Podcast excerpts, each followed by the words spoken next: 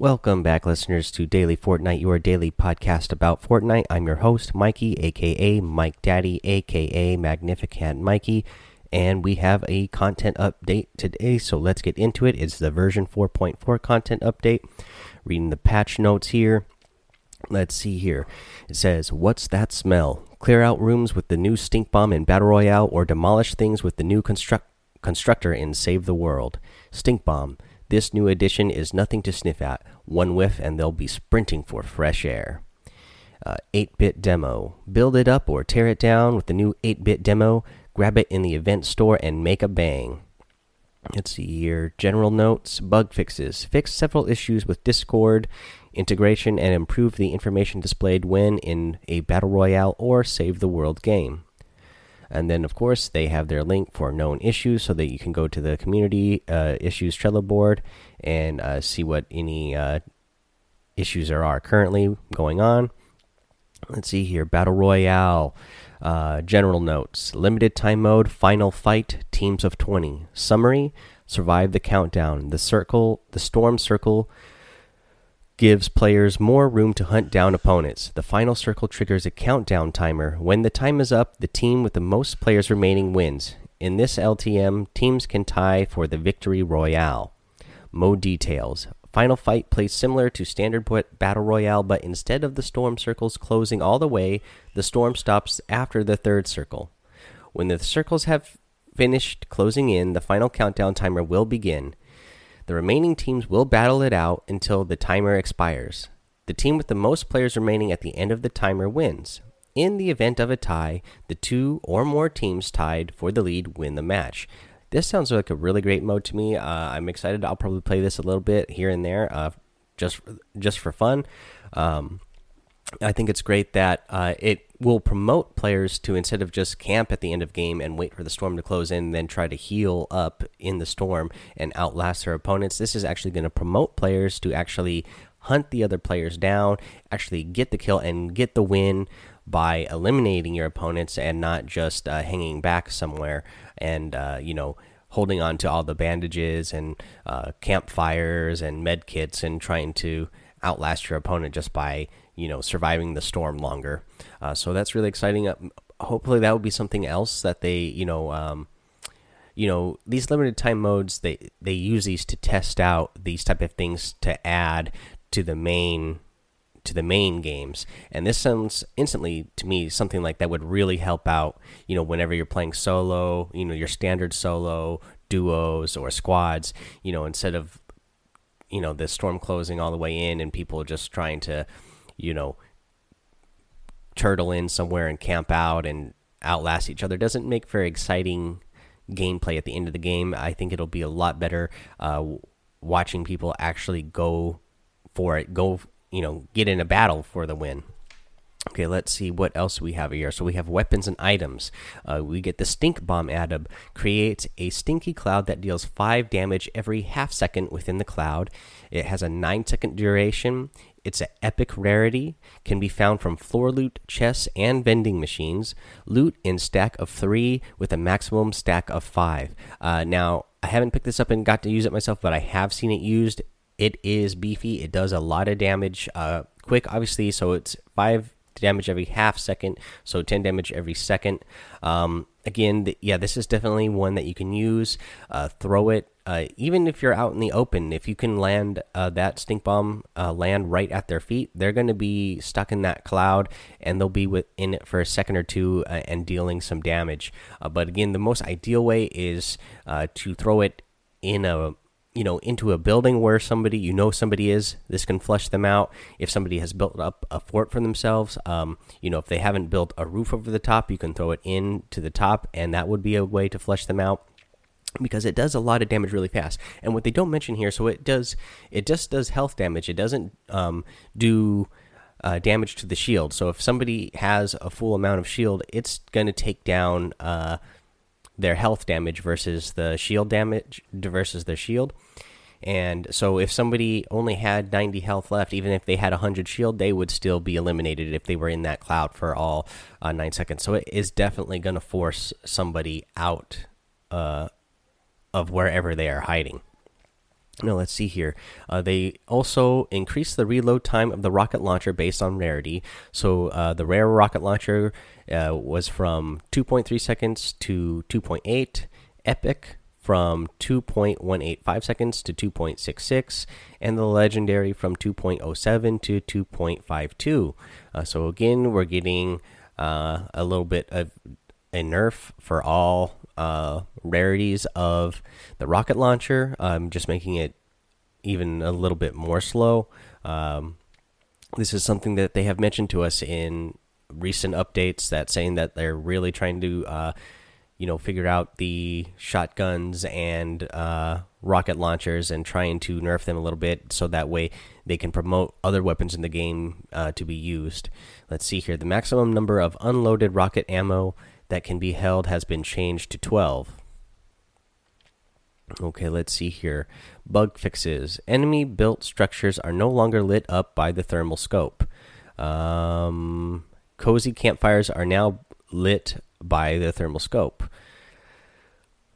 Uh, okay.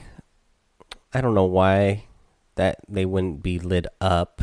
Um, the enemy structures, uh, especially if they're you know they're being in the process of being built. You think maybe that would create some heat, but okay, they're not going to be lit up anymore. Let's see here. We get the gameplay bug fixes. Backbling no longer appears detached from players at a distance.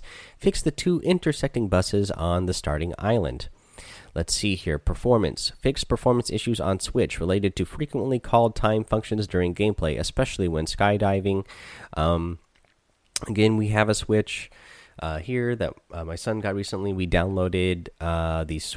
Um, downloaded Fortnite on our Switch as soon as it was available.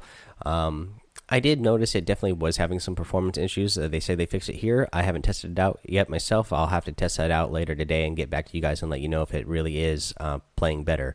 And then let's see here level streaming optimization to smooth out some hitches during skydiving on Switch as well. Let's see here audio bug fixes. The music for the fresh emote has been re added. They fixed attenuation of supply drop opening sound so it doesn't sound like it's right next to players, even if it's open far away. the Clinger explosion sound now plays properly if detonated directly next to you on iOS Switch platforms. User interface added the net debug stats uh, HUD UI option for Xbox. Bug fixes fixed a crash that could happen after buying items in the item shop. When using stylable outfits, your last saved version will always appear in the locker preview. All right, and then I'll go over the Save the World patch notes in this episode today, uh, just because they're super short. So it says Mission plus Systems bug fixes. Fix an issue which could block progression where the Chrome Husky would no longer spawn if the Magnets quest was completed. Players who were blocked will now be unblocked with this fix. Heroes. New Constructor Demo uh, Demolitionist 8 bit demo added to the event store. Available Wednesday, June 20th at 8 p.m. Eastern. All right, guys. Uh, so we got some cool things here in our patch notes. Uh, some cool things to think about uh, when you're playing the game here. Again, uh, you know, check out that new stink bomb. I think it is going to be a, a good, powerful thing to use, uh, especially flushing people out. Again, this will probably be really good in especially heavily populated areas like uh, tilted towers, for example. Especially, there's a lot of buildings, so you can toss that in to a room and flush somebody out of a room if they're uh, in a room in one of the buildings that you know that they're in there, and then you can be outside waiting for them, uh, ready to uh, mow them down again, uh, you know, another big thing that we got here was the uh, rocket launcher nerf uh, for the reload time. you know, it's a it's a pretty big uh, adjustment. You know, uh, you know, half a second uh, added for the reload time, just about half a second for each each rarity. So. that, that's pretty big. It's going to take you a lot longer, and you know, only being able to hold 12 rocket rockets at a time. That's definitely uh, going to affect how you play the game at the end of the game. And I guess they're you know really trying to not just have rocket battles at the end of the game here.